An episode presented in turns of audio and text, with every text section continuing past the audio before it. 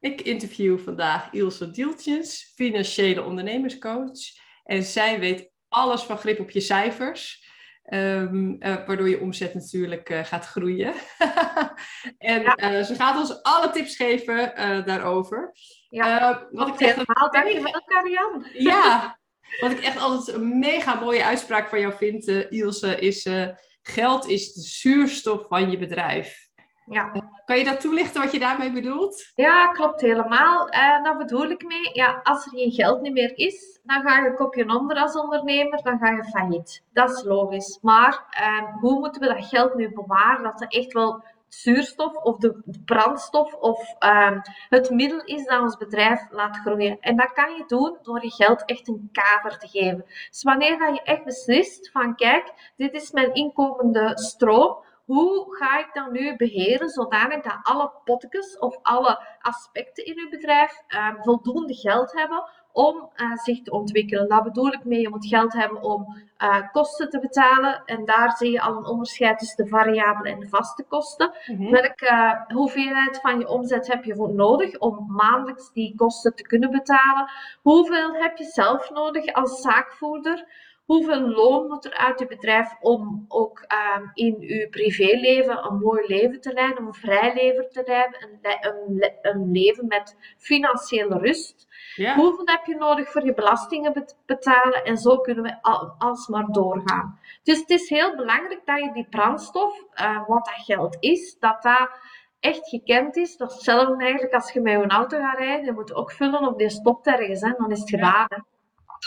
Ja, mooi. En, en wat zie jij dan, zeg maar, Ilse, als, um, hoe zeg je het, onnodige kosten? Of, hè, wat, wat gebeurt er dan dat het zuurstof zo stikstof wordt, als het ware? Ja, dat. Wat, wat, wat, wat zie je daar gebeuren? Ja, wat veel ondernemers niet bewust van zijn, is dat ze eigenlijk veel onnodige kosten uh, doen. Um, daar bedoel ik mee, um, ja, zo van die echt superieure etentjes, wat er eigenlijk niet nodig is. Of ook, um, wat we ook vaak zien, is een duur kantoor onderhouden misschien komen die klanten er helemaal niet. Waarom is dan zo'n uh, duur uitziend kantoor nodig? Of um, um, kosten die worden gedaan om hun ego uh, te bewaren. Dan denk ik aan dure auto's of ehm, dure maatpakken.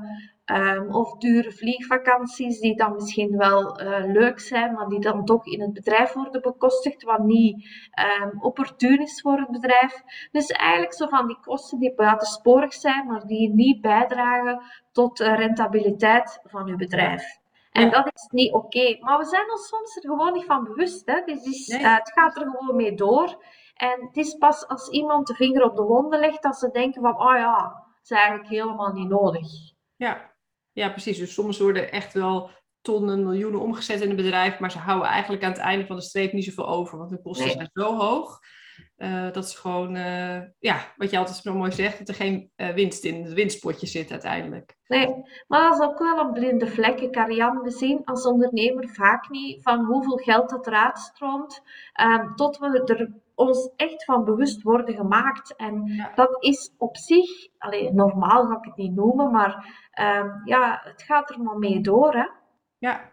ja, en als je dus inderdaad niet bewust bent dat het ego zich ook wil vullen hè, door, door dure auto's, dure kantoren. Ja. Uh, ja.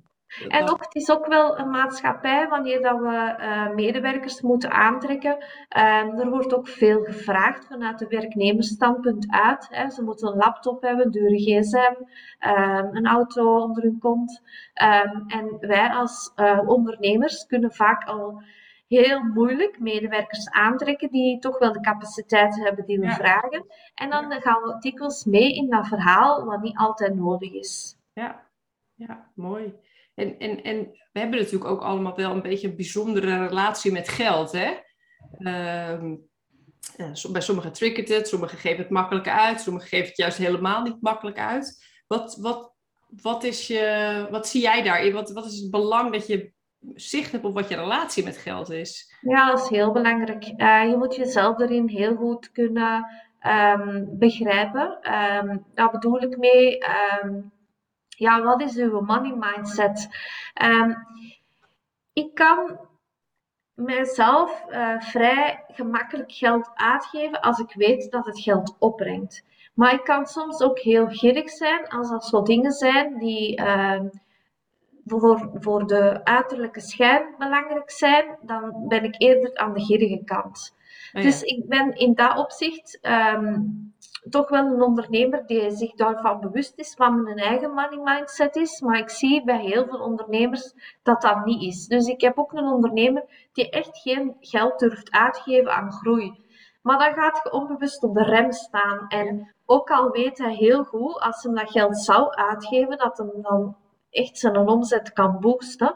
Maar toch is die een angster om, om die grote investering te doen en beroep te doen op een, op een bankfinanciering omdat in het verleden er al zaken mee gebeurd zijn wat hem uh, negativiteit heeft gebracht. En dan gaan de, uw money mindset eigenlijk omkeren. En dat is heel gevaarlijk dat je je daarvan bewust bent en dat je daar ook aan werkt om dat terug om te keren.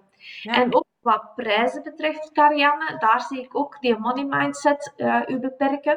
Sommige ondernemers durven niet de waarde vragen van hun product en daar echt een deftige prijs op plakken, doordat die money mindset hun klein houdt. Dus ze denken dan dat ze niet voldoende waarde geven en dan gaan ze de prijs naar beneden halen en niet voldoende waarde vragen voor hun product, wat dan ook weer op het einde van de rit niet voldoende winst geeft. En ja. Daar moet je echt wel weten waar je mee bezig bent. Er zijn echt heel veel diverse relaties met geld. Dus het gaat dus over het ontvangen en over het uitgeven. Eigenlijk op beide zit een, ja, zeker. mindset. Ja, ja, klopt. En, welke is belangrijker, denk je? Ontvangen of uitgeven? Alle twee. Alle twee. Belangrijk? Voor, voor mijzelf ik denk dat ontvangen dat dat nog een grotere uh, lading op ligt dan uh, uitgeven. Omdat ontvangen heeft met jezelf echt te maken. Allee, uitgeven ook, maar ontvangen nog meer. Omdat je jezelf het waard moet vinden om iets te mogen ontvangen. En wij houden ons altijd klein. We denken dat we het niet waard zijn. Dus we halen ons als leider of als ondernemer naar beneden. Ja. Want de ander kan het beter. Oh ja. En, is dat dan anders als je in loondienst bent? Of spelen dan die money mindsets ook een rol? Uh, dan speelt dat zeker een rol. Want um, ik heb over het laatst nog een artikel gelezen over een medewerker die uh, loonsopslag ging vragen. En ze had zich keihard voorbereid. En uiteindelijk ging dat als een fluitje van een cent. Ze kreeg zelfs meer dan dat ze vroeg. En dan ehm, was ze zich aan het afvragen van hmm, ehm, ben ik dat wel waard? Moet ik nu meer werken? Moet ik nu anders gaan werken? Want ja. nu krijg ik meer geld. Maar eigenlijk was dat totaal waard. Dus de money mindset speelt ook als werknemer. Ja, precies, dat je dat weer gaat compenseren door ja. je uren te werken of harder te werken. Ja. Of anders, in, u, anders, u, u, ja, u anders inzetten voor uw werk. Maar ja, dat is pure money mindset. Dus het is niet alleen wij leiders of ondernemers of zaakvoerders die daarmee te maken hebben, maar zeker ook onze medewerkers. Ja. Ja, dus wel interessant ook vanuit leiderschapsperspectief om je bewust van te zijn dat dat soort money mindsets ook spelen bij uh, je mensen. Ja, klopt. Sowieso. Ja. ja. Wij zijn niet anders hoor. Nee, nee dat is ook zo. En, en, wat, uh,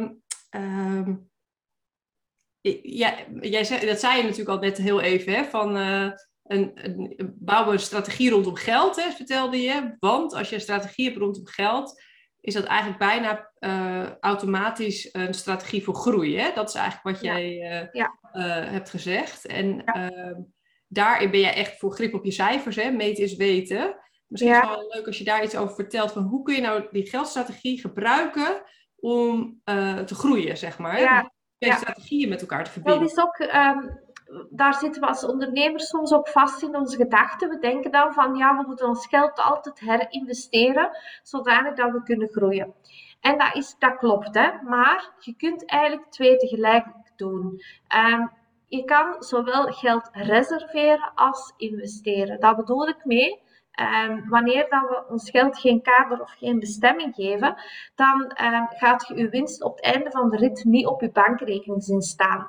Maar het is soms het is zo dat als je geld echt richting geeft, dan mhm. gaat je geld reserveren voor je winst, maar daardoor gaat je eigenlijk een soort schaarste creëren en gaat je eigenlijk slimmer met je geld omgaan om te investeren. Dus je gaat veel beter uit de toppen kijken welke investering moet ik nu doen om mijn groei te stimuleren. Maar ze zeggen altijd, mensen die minder geld hebben, gaan veel slimmer om met hun geld en dat maakt dat die ook sneller groeien. Want die hebben die reserve staan, dat geeft ook weer de kracht of de, de mindset van hey, ik heb nog altijd een reservepotje. Dus als er iets gebeurt, dan, weet je wel.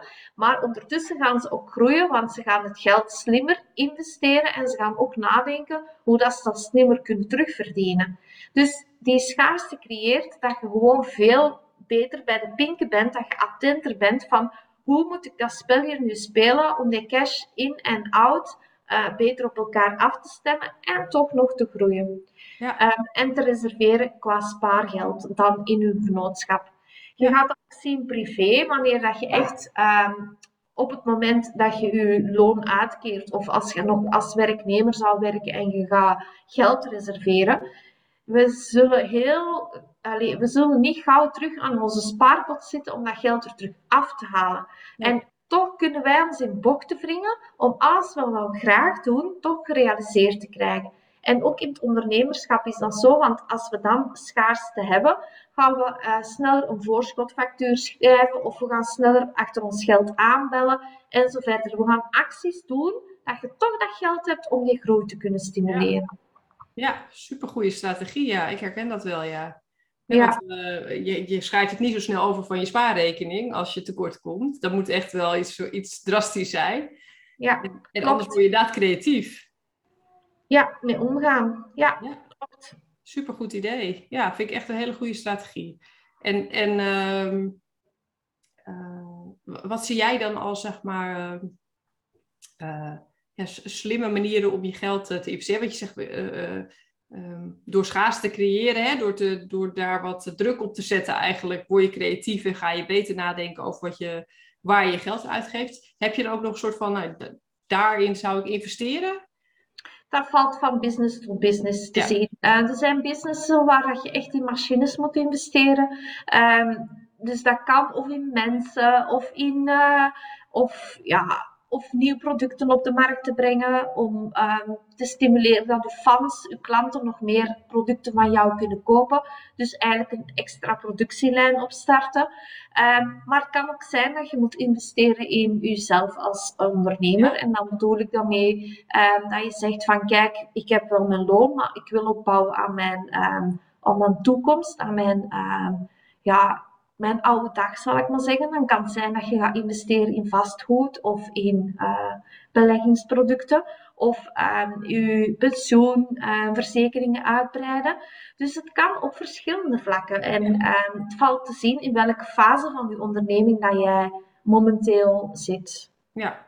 ja, want in bepaalde fases zou je wat meer in je business moeten investeren. In bepaalde fases kun je het wat meer anders investeren. Ja, ja, en het kan dan ook nog verschillend zijn. Je kunt investeren in ehm, om je omzet te verhogen, maar het kan ook zijn dat je moet investeren in je marketing om je omzet op die manier te verhogen. Dus het kan zijn om je omzet te vergemakkelijken, om die producten te creëren, om je processen en systemen aan te sturen, dat dat moet vergemakkelijkt worden. Of het kan ook andersom, dat je zegt van mijn systemen en procedures werken, dus ik heb voldoende machines, voldoende mensen, maar die kunnen nog meer aan. Dus dan kan het zijn dat je moet investeren in marketing.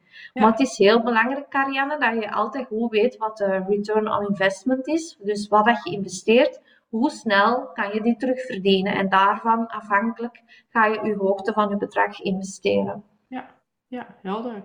En, en uh, uh, wat, da, da, het, het triggerde me wat je net zei, hè, van uh, een stukje zelfleiderschap daarin is natuurlijk heel erg belangrijk. Hè? Want we hebben het over geld, maar dat gaat ook natuurlijk over ken je cijfers. Hè? Want um, we, van jouw verhalen weet ik wel eens dat mensen aan het einde van het jaar ineens schrikken van de cijfers.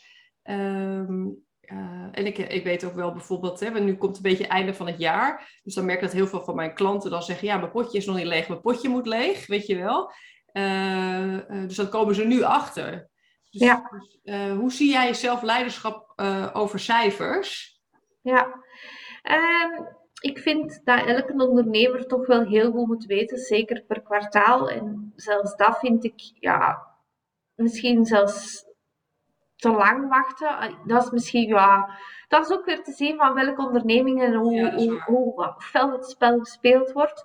Maar ik vind wel dat je cijfers moet kennen. Ehm, en dat kan allemaal echt heel eenvoudig. Als je een goede strategie hebt op cashflow, matige manier. Um, dat bedoel ik mee als je heel goed weet wat er in en out gaat per maand en wat dat je nodig hebt om een goede uh, cijfers te draaien. Dus dat je echt getallen weet dan kan je fel ehm, bijsturen. En het is dus zo, als je per kwartaal weet hoe cijfers eruit zien, dan komen er geen verrassingen. Dus dan is uh, de derde maand, de zesde maand, de negende maand even klaar dan de eerste maand, bij wijze van spreken, of de laatste.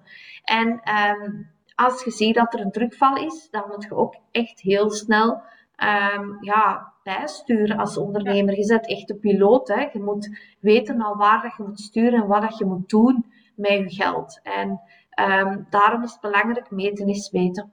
Ja. ja, want ik vind het wel interessant. Hè, want we, we hadden vorige keer die discussie samen van... Uh, uh, ik merk dat veel van mijn klanten krijgen dan een potje hè, als team of als... Uh, aan het begin van het jaar waar ze dan teamuitjes en trainingen en opleidingen voor mogen doen. En dan hebben ze dus heel vaak dat ze dan uh, november, december komen. Ja, mijn potje is nog niet leeg, we moeten nog even iets doen. Want het potje moet leeg, want als ik hem niet leeg maak, dan krijg ik volgend jaar geen budget meer. Ja. En uh, je hebt er ook wel een interessante visie op, vind ik. Ja, um, natuurlijk, het potje moet leeg. Dat is wel, ja, dat snap ik ook wel. Maar dat wil ook zeggen dat ze qua mindset ook heel voorzichtig zijn. Want ze denken, als er nog iets interessants op mijn pad komt, kan ik het meepikken.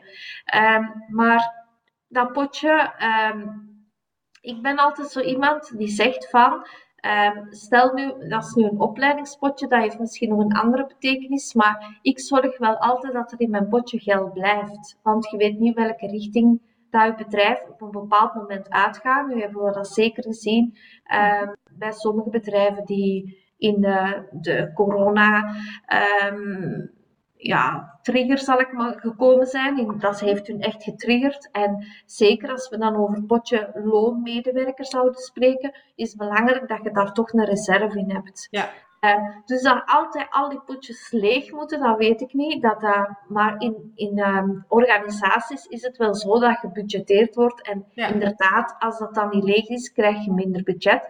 Dat is een andere situatie. Maar ik zou ook als ondernemer aanraden om goed te weten dat er altijd reserve zit ehm, in een potje.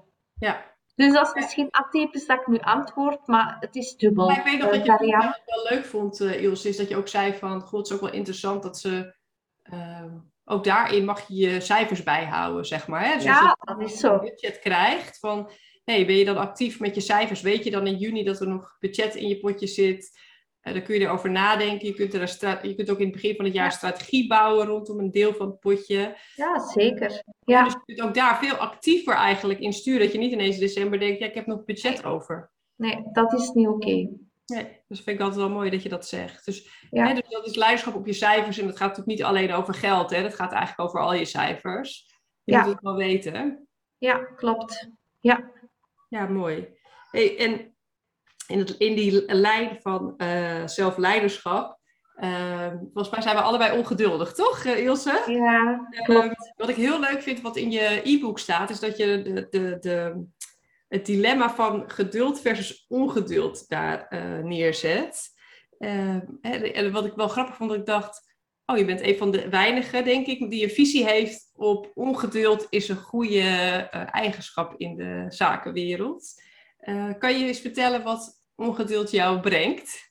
Ja, ongeduld brengt mij dat ik um, heel attent en wakker ben op hetgeen wat er gebeurt. Dus als er niet genoeg um, actie rondom mij gebeurt, dan ga ik altijd weer terug vlammetjes aansteken om actie te creëren. Maar het ongeduld heeft mij ook geleerd dat je soms ook geduld moet hebben. Want um, als je te snel van koers verandert, dan kan je ongeduld u tegenwerken.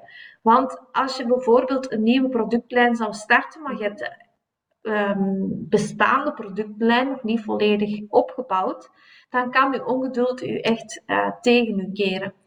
Maar het ongeduld brengt wel dat je altijd wakker bent. En dat maakt ook dat je ook weet wat er gebeurt in mijn zaak Omdat ik altijd kijk van wat is er hier gaande, hoe ver staan we met de cijfers. En dat maakt dat je als ondernemer ehm, ja, toch wel ehm, de nodige peper in de gat hebt. ja. ja, dus met cijfers is geduld wel goed. Maar de weg ernaartoe mag je af en toe best wel wat ongeduld uh, hebben. Sowieso, ja, dat mag. En dat is, dat is ook denk ik eigen aan een ondernemer, ehm, dat ongeduld. Maar dat is gewoon, ehm, ik vind dat een mooie eigenschap. Ja, is het ook wel. Maar het wordt vaak niet gezien als een mooie eigenschap, dus dat vind ik dan leuk dat jij dat dan neerzet. En, ja, uh, sowieso. Ik vind dat wel. Ja, dat vind ik ook. Ik heb graag ongeduldige mensen. Ja, die trek je ook aan. Ja, dat mag. Ehm, als we in slaap vallen, dat gaat ons niet brengen waar we moeten zijn. Um, en uh, dat geeft ook ja, energie aan jezelf. Ja.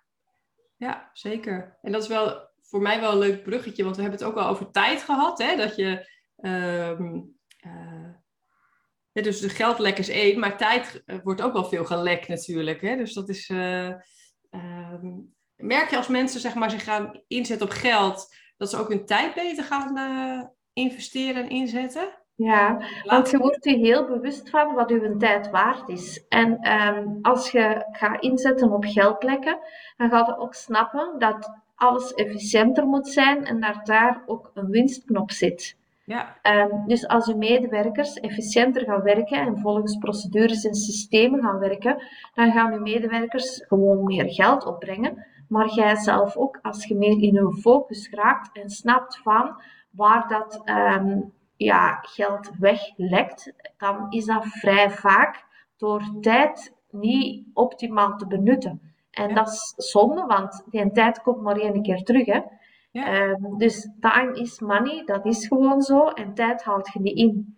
Ja. Tijd is onze grootste vijand. Hè? Dat kun je niet twee keer gebruiken. Hè?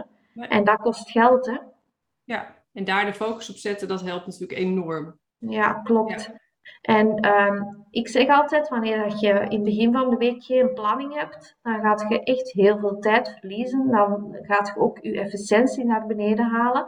En dat is ook belangrijk, die uh, psychologie daar rond. De wet van Parkinson's Law, dat is um, zowel qua tijd als geld een belangrijke wet, want we gaan altijd de beschikbare tijd benutten. Dus als jij uh, tijd hebt voor een nieuwsbrief te schrijven of voor een offerte uit te schrijven of om met je medewerker te praten en je hebt een uur, dan gaat je een uur benutten. Maar als je daarna geen afspraak hebt staan of geen harde deadline hebt gezet, dan gaat je misschien twee uur praten of drie uur praten of drie uur werken aan je offerte. En um, dat is echt minder efficiënt. Als je daar een uur op zet, gaat die offerte ook klaar zijn. Gaat het gesprek ook klaar zijn. Dus hoe beter dat je je tijd managt, hoe beter dat je um, je werk afkrijgt. En dat is ook met geld zo. Als je dat kadert, dan ga je beslissen zoveel geld aan dat, aan dat product of systeem of weet ik veel wat. En dan weet je ook, ah ja, dat is budget. Maar hoe meer geld dat je hebt, hoe meer geld dat je gaat besteden, hoe meer tijd dat je hebt, hoe meer tijd dat je gaat besteden. Ja, dus er zit echt een hele mooie relatie tussen. Ja. ja super, ja. Is er nog een laatste tip die je nog mee wil geven aan uh, onze luisteraars? Ja, zeker. Okay. Uh, met een, echt met een belangrijkste tip aan elke ondernemer is dat ze elke maand winst moeten reserveren. En dat kan alleen als je een aparte bankrekening opent en van uw omzet altijd 1% van uw omzet opzij zet op die aparte bankrekening. Wanneer dat je dat niet doet, dan gaat je ook nooit winst reserveren. Dus dat is iets wat ik echt elke ondernemer aanraad. Het is een heel kleine inspanning en het gaat je zoveel rust en financieel inzicht geven. En ook ga echt beseffen dat dat niet veel moeite kost en je gaat veel sneller um, je verdiepen van hoe kan ik nu nog meer um, reserves creëren in al mijn aspecten van mijn bedrijf. Omdat dat gewoon ja, een kei makkelijk iets is. Ja, en wat doe je dan uiteindelijk met je winst? Dat mag je zelf kiezen. Ik kan okay, mag je kiezen. Maar afhankelijk van dat je een vernootschap hebt um, of een eenmanszaak, um, moet je natuurlijk de regels volgen van um, ja, de wet. En je kan in een vennootschap niet altijd alles doen met uw winst, maar er zijn natuurlijk manieren, uh, zowel in Nederland als in België, om uw winst voor uzelf te kunnen gebruiken. Maar zelfs ook als uh, privépersoon kun je dat natuurlijk doen. Hè? Als je altijd 1% van je loon op een apart ja. potje zet van... Uh, dan moet je kijken wat een geld je spaart op een jaarbasis. Ja, en dan kan je daar een, een droom of een doel of een plan aan koppelen. En het is echt fijn dat je jezelf beloont. Want mijn slogan is, Karianne, elke ondernemer moet vet veel geld verdienen. Ja, superleuk. Nou, ik ben al heel dankbaar voor al je tips. Ik pas ze allemaal toe en ik ben echt veel beter met mijn geld dan ooit. Ik ja. ben mega dankbaar en ik denk dat het voor de luisteraars ook echt super waardevol is. Ja. En ze moeten natuurlijk even je e-book downloaden. Ja. Daar staan echt heel veel van deze waardevolle tips in om meer grip te krijgen op je cijfers. Ja, het zijn echt negen gouden tips voor meer rentabiliteit in je bedrijf. En um, het boek is al drie, over de 3000 keer gedownload, dus het is echt een succes. Dus ik zou er zeker mee aan de slag gaan. Superleuk. Nou, dankjewel voor al je waardevolle tips. Dankjewel, Karianne. Dag. Dag.